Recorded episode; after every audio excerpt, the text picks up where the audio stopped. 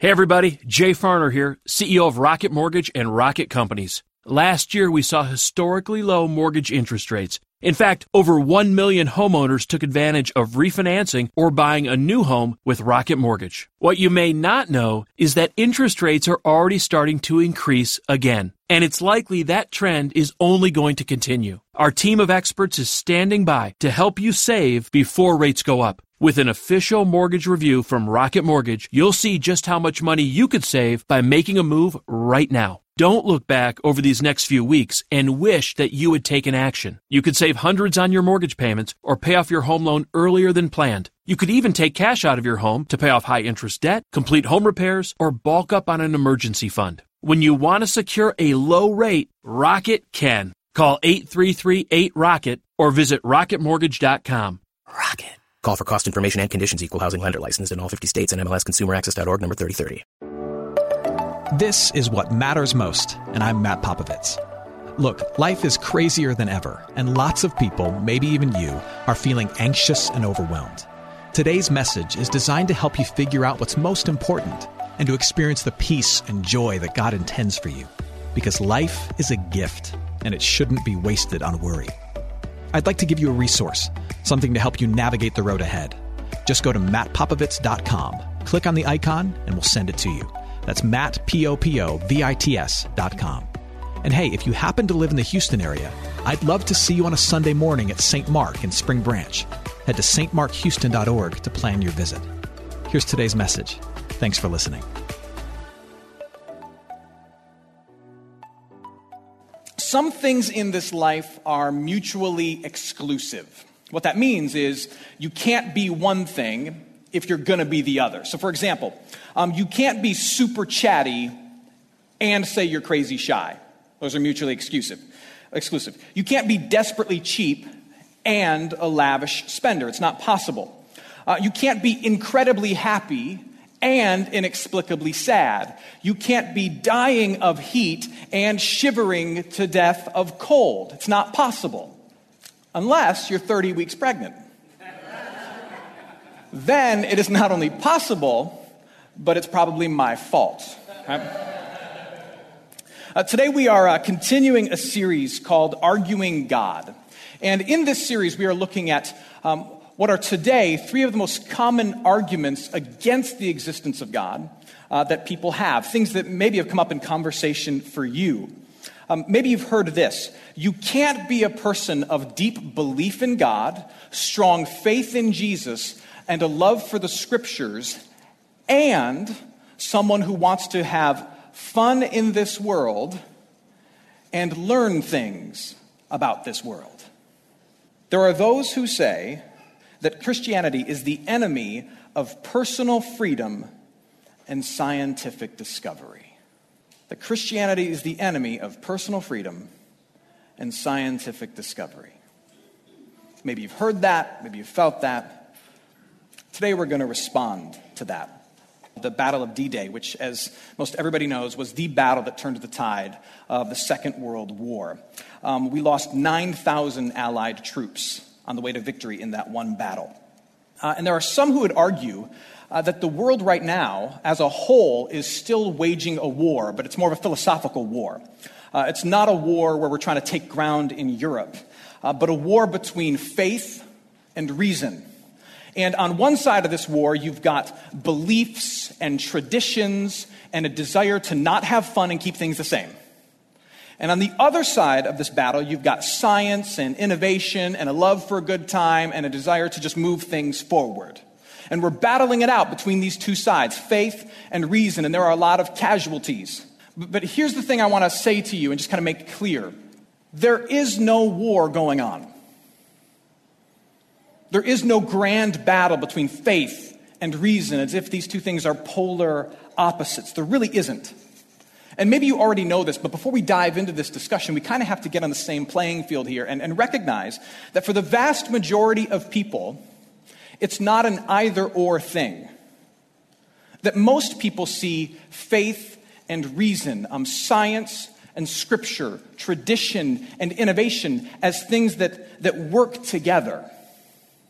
Now, sometimes sometimes as society experiments with new things or science learns new things, it takes a lot of wrestling to figure out how these things work together. But they always work together. And what I will concede is that in our world, and what you know from watching the news and, and the things people post on Facebook, what you know is that right now in our world, though there's not a war, a grand war between faith and reason, there are a lot of people who are wrestling with very big issues about our ability to just do what we want or what science is saying and what we know about all things. That is going on. But that wrestling really isn't anything new. For example, you go back you know, 2,000 years uh, to uh, the Apostle Paul, who's walking through the ancient city of Athens. And as he's walking through the ancient city of Athens, he sees statues and temples and carvings. And these statues and temples and carvings are dedicated to everything that human beings really love. They're dedicated to sex, to food, to prosperity. And he also sees these large lecture halls that were dedicated to philosophy and to study. So as Paul is walking through Athens, he, he quite literally sees a city that is obsessed obsessed with procuring the good things. Let's make idols to sex and food and prosperity and everything else we can think of so we can get a lot of it. And obsessed with learning new things. So, Paul, seeing all this, he, he feels moved to start talking about Jesus, who quite recently, relatively speaking, had risen from the dead and then ascended into heaven. So, Paul sees all this and he starts talking about Jesus. And, and one of the things you have to understand about Athens at that time is that Athens was very, very serious about who could teach there. They loved new religions, new ideas, but they wanted to make sure that only the best new ideas and the best religions were heard on the streets and in the, in the study halls of Athens. And so when Paul starts teaching, he, he quite literally gets dragged to this place called the Areopagus, uh, translated as Mars Hill. And it was, in essence, the place where Athenians would audition new philosophies. So Paul's teaching about Jesus. People hear about it. They say, whoa, whoa, whoa, before you go around teaching about Jesus, you come here and you teach publicly to these people, and we will decide if you get to walk around Athens talking about Jesus, if we add Jesus to the pantheon of things that we discuss. So Paul goes to the Areopagus and he, he begins talking about Jesus. And, and he outlines who Jesus is, but also what he does is really interesting. He outlines how a follower of Jesus sees a world filled with desires and discoveries. Because after all, Athens is obsessed with the desires of our heart and the discoveries of this world. How does a follower of Jesus view those things? So, this is Paul speaking to people about Jesus. He says, Men of Athens, I perceive that in every way you're very religious. For as I passed along and observed the objects of your worship, I found also an altar with this inscription, quote, to the unknown God. So not only had they made an altar uh, to the sex god, the food god, the prosperity god, but they didn't want to leave anything out. And so they said, they made the in case we've forgotten one but don't know your name God idol. Paul says, What therefore you worship as unknown, this I proclaim to you the God who made the world and everything in it being Lord of heaven and earth, does not live in temples made by man, nor is he served by human hands as though he needed anything, since he himself gives to all mankind life and breath and everything. And he made from one man, Adam, every nation of mankind to live on the face of the earth, having determined allotted periods and the boundaries of their dwelling place. Here's the key that they should seek God and perhaps feel their way toward him and find him. So God makes all things. He makes humans, and he puts humans in this creation that they might, while they live in creation, see that maybe there's a maker and stumble their way to him. Yet he is actually not far from each one of us. For in him we live and move and have our being. As even some of your own poets have said, he's now quoting an Athenian poem, for we are indeed his offspring. Being then God's offspring, we ought not to think that the divine being is like gold or silver or stone, an image formed by the art and imagination of men. Paul's point, uh, among a couple of other points, was this. He's basically saying, look, we all love the stuff of this world and we build massive shrines to it, and we spend lots of time talking about it because the stuff of this world is good and the things we learn are amazing. But if that's all we do, if all we do is obsess over stuff and talk about what we learn, we sell ourselves short because the things you love and the things we learn, they're put here to lead you to something, lead you to something bigger. And, and, as we wrestle with this topic, what we all have to understand is that that's still the Christian mindset today. Um, our Athens, so to speak, our world, is full of desire, things we and the culture at large really want to do and want to enjoy, and discovery, things that we're learning.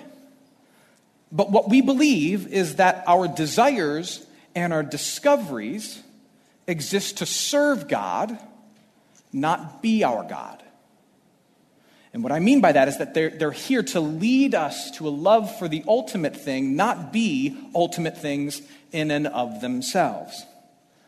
Uh, what a Christian would say is that the ultimate purpose of sex, of food, of science, and, and all of their joys is to draw us to a greater appreciation of God and then to be platforms and places where we live out obedience to God. So we'll say that, that prosperity in our work is a good thing, but God has given me prosperity in my work so that in that I might come to appreciate Him. Thank you for giving me work, and thank you for creating a world where I can do this for a living. And then also say, now my, my work is a gift from you, so now I'm going to seek what it means to, to honor you and to love other people in my work. I don't worship my work, but I use my work as a way to worship God. And for a Christian, as you wrestle with a world full of things that we can do and enjoy and a world full of discoveries, that's our priority. We use the things we learn and the things we love to serve Him.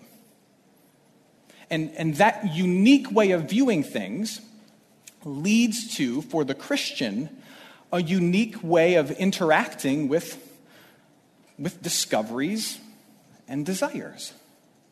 So, kind of with, with that platform set, let's build on top of that, all right? So, let's look at science in particular, all right? Um, uh, when we look at how a Christian should view science, the big idea for Christians is this it's found in Psalm 24, verse 1. And it's a key scripture for me. It says, The earth is the Lord's and everything in it, the world and all who live in it. For he founded it upon the seas, and he established it upon the waters. In other words, there's this foundational belief for Christians that God made all things and God owns all things.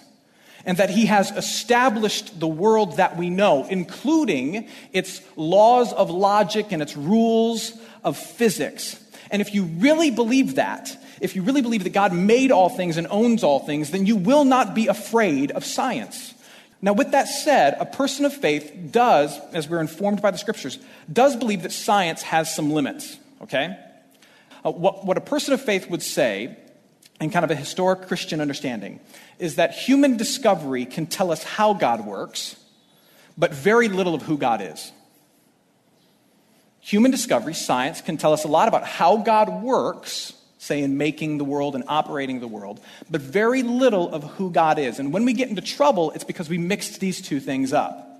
So, for example, if you go to the Grand Canyon with kind of an analytical scientific viewpoint and you stand at the edge of the Grand Canyon, you stare at it, you're going to be able to start to grab insights into the formation of the world, how rock forms came together. And you may be able to stand there also and get this, this grand sense of awe and begin to sense that there's some bigger force at work in this world. Just by going to the Grand Canyon with eyes wide open, you'll be able to discern some things about how the world's made and maybe there's a maker but you will never, at the Grand Canyon, dig around and find a rock that says made by Jesus on it. It will never tell you that.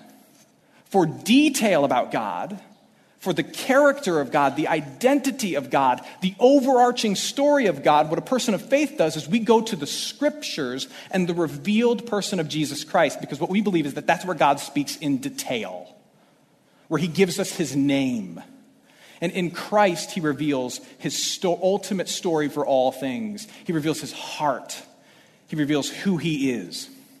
And when we get into trouble, is when people of faith try to get too much of their how from the scriptures, and when people of science try to get too much of their who from the dirt. And when we do that, we, we are led to wrong conclusions all over the place. These two things are meant to work in harmony together. Uh, the other front here we have to look at is that of desire the things that, that human beings want to do. And the question comes to the surface of how do we discern what's okay for humans to do and what's just human beings pressing the envelope of appropriateness, which human beings love to do. I mean, not me, other people love to do that. I hope you're enjoying today's message. For more of what matters most, you can head to mattpopovits.com. There you'll find other messages. You can support this ministry as well as access your free gift. Oh, and if you're looking for a local church and you live in Houston, come and see what's happening at St. Mark Houston. To plan your visit, head to stmarkhouston.org. Thanks for listening, and back to today's message. Now, now, part of what makes this wrestling so difficult is that there are two deeply opposite mindsets at work in our world today.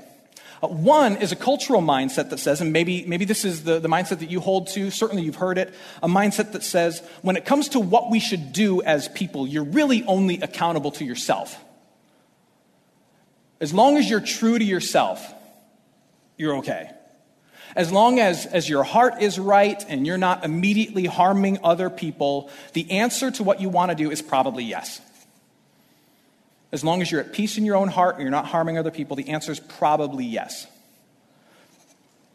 For, for a follower of Jesus, the mindset is different. Um, a follower of Jesus begins with a certain set of assumptions that say, I'm created by God and I'm created for God. Therefore, as I wrestle with what I want to do in my life, it's not just about being true to myself, it's about also being true to Him. And when there's a contradiction between those two things, who wins? He does. And so, as I look at the things I want to do in this life, it's not just about saying, well, is, is it okay for me? Is it harming other people? The other question I ask is, is it, is it true to Him? Is it true to His design for me, what I know of it? Is it true of His desire for me and what I can sense of it? These are the questions we ask. A guiding truth for Christians is found in 1 Corinthians. This is an important verse. 1 Corinthians chapter 6 verses 19 through 20 it says this. You are not your own. You were bought with a price, in other words through the death of Christ on the cross. You Christian belong to God, so glorify God in your body. So the way I live my life is not just a, a, um, a means for me to to satisfy myself. My, my whole being was purchased through the death of Christ on the cross. I belong to Him now. And so my body is a vehicle to bring glory to God, to seek His will, to be true to Him. So here's what this means. And if you're, if you're kind of on the fence of Christianity, you're wondering why we sometimes kind of tag ourselves out of certain activities, here's what you need to know. If a Christian seems slow to join into some activity or unwilling to adapt on some issue that everybody else is kind of going all in on, the reason probably is not because they think they're better than everybody else. The reason is because followers of Jesus are likely wrestling with that sense of accountability over their lives. And they're wrestling with what it means to be faithful with their lives. If they're unwilling to just dive in or kind of go with the crowd, it's because you're wrestling with those two big things. Those are big things to wrestle with. It's not just about whether my heart wants it and anybody gets hurt. It's about is it faithful to my God? Is it true to Him?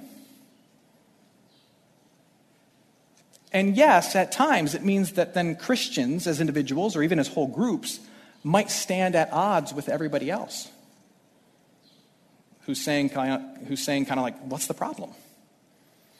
But as, as one writer that I really respect points out, that isn't necessarily a mean thing. Uh, it's a human thing. It's, um, it's a community thing. That's what communities do. Communities, be it a family, be it a business, be it a, a faith or a political group, communities draw boundaries. Every single community, be it an ultra conservative community or an ultra liberal community, every group of people draws boundaries around behavior based on their beliefs and their values. And so when you see a group, be it a Christian group or another group, that's saying, hey, here's our boundary for this issue or here's our boundary for this issue, it's not them being mean necessarily. It's not them being hypocrites. They aren't being hateful. They're just doing what communities do, they're defining how they'll live. And every group, the most open minded group, the most closed minded group, does that. Everybody does. So, so here's what we need to know the centerpiece of Christian spirituality is this belief that, that our desires, the things we want to do as human beings, for the most part, are a gift. They're a gift of God, but they can only be fully enjoyed when we are in relationship with God. So, so as Christians, we don't think that, that sex and food and success are bad things. We think sex and food and work and marriage and art are great things. Really, really, really good things. But on their own, their greatness hits a ceiling. Like they can only be so great. And then when you're connected to God, He unlocks the fullness of joy in those areas. Because when you have a relationship with God, take, you know, take your work, for example. When you have a relationship with God, you can see that um, your work is not just something you do, it's actually a gift given to you. Joy goes up. You can understand that there's a greater purpose that God is working in your work through you. So a sense of fulfillment goes up, your joy goes up. When you have a connection to God, you can also know the things that your work can never do for you. God will be quite clear for you. Your, your work may make you feel satisfied for a while, but it'll never make you feel whole as a human being. And knowing that now can save you a whole lot of heartache in the end. Your joy goes up. See, it's, if a Christian draws boundaries around certain things that we desire in this world, maybe it's not about avoiding fun. In fact, I would argue that it's often the opposite. It's because a Christian has a desire to experience the heights of joy in that thing. And what a Christian believes is that the heights of joy in sex and food and work and everything else is often not found through our gut, but through following our God. And that's why we lay those things before Him and embrace certain boundaries around them. Does that make sense? In all of this talk, you may catch what sounds like a, a contradiction. You may say, Matt, how can you say that a Christian can love scientific discovery and that things we desire, like sex, food, and work, are, are mostly good, but then also say there's limitations to both those things? Isn't that a contradiction? I would say no. I just think it's really honest. But notice throughout this whole message what else I've said is that God meets us in those limitations. And that, yes, science can only tell you the how, it can't tell you the who, but that He reveals the, the who of His nature in the scriptures and in his son. And yes, work is a good thing, but it's not the ultimate thing. But he does offer fullness of joy through relationship with him. But not only that, what a Christian believes is that God has literally joined us in the middle of the limitations of this life. What a Christian believes is that Christ entered into this world and he took on all the limitations he lived in a world where science can only tell you so much. He lived in a world where desire overflows, but it can't really fulfill. He lived in that world. He put himself in those limitations. He put himself in the limits of human flesh. He put himself in a world where he was rejected. He submitted himself to death and then resurrection, and he did all of it for you. And now, though you live in a world with limitations, he looks at you and says, But you have a full relationship to the Father. And that full relationship to the Father allows you to know fully the who behind the how of your science. And it allows you to know fully the purpose in all your pleasures and all of your desires. That's what Christ has unlocked for you. So you are not missing out. You have the opportunity for the fullness of knowledge and the fullness of joy through Jesus Christ. That's what we believe. Two little boys were fighting in a backyard. They were fighting over who was first, what the rules of the game were, who was biggest, and who was best. And then all of a sudden, a woman poked her head out of the back door and she said, What are you guys fighting about? And the one little boy said, Well, he's mean. The other little boy said, We're at war. And the first little boy said, He's my enemy. And the woman just looked at them and said, Boys, you are not enemies, you are not at war. You are brothers. Now learn to play. And mom turned around and went back into the house. So it is with faith and reason. There was not a war. They are brothers who wrestle loudly as they learn to play together. And in this world, in that family, Christianity is not at odds with personal freedom or the discoveries of science. Not at all. But in this world, personal freedom and the discoveries of science are not in and of themselves king. There's a parent in this house.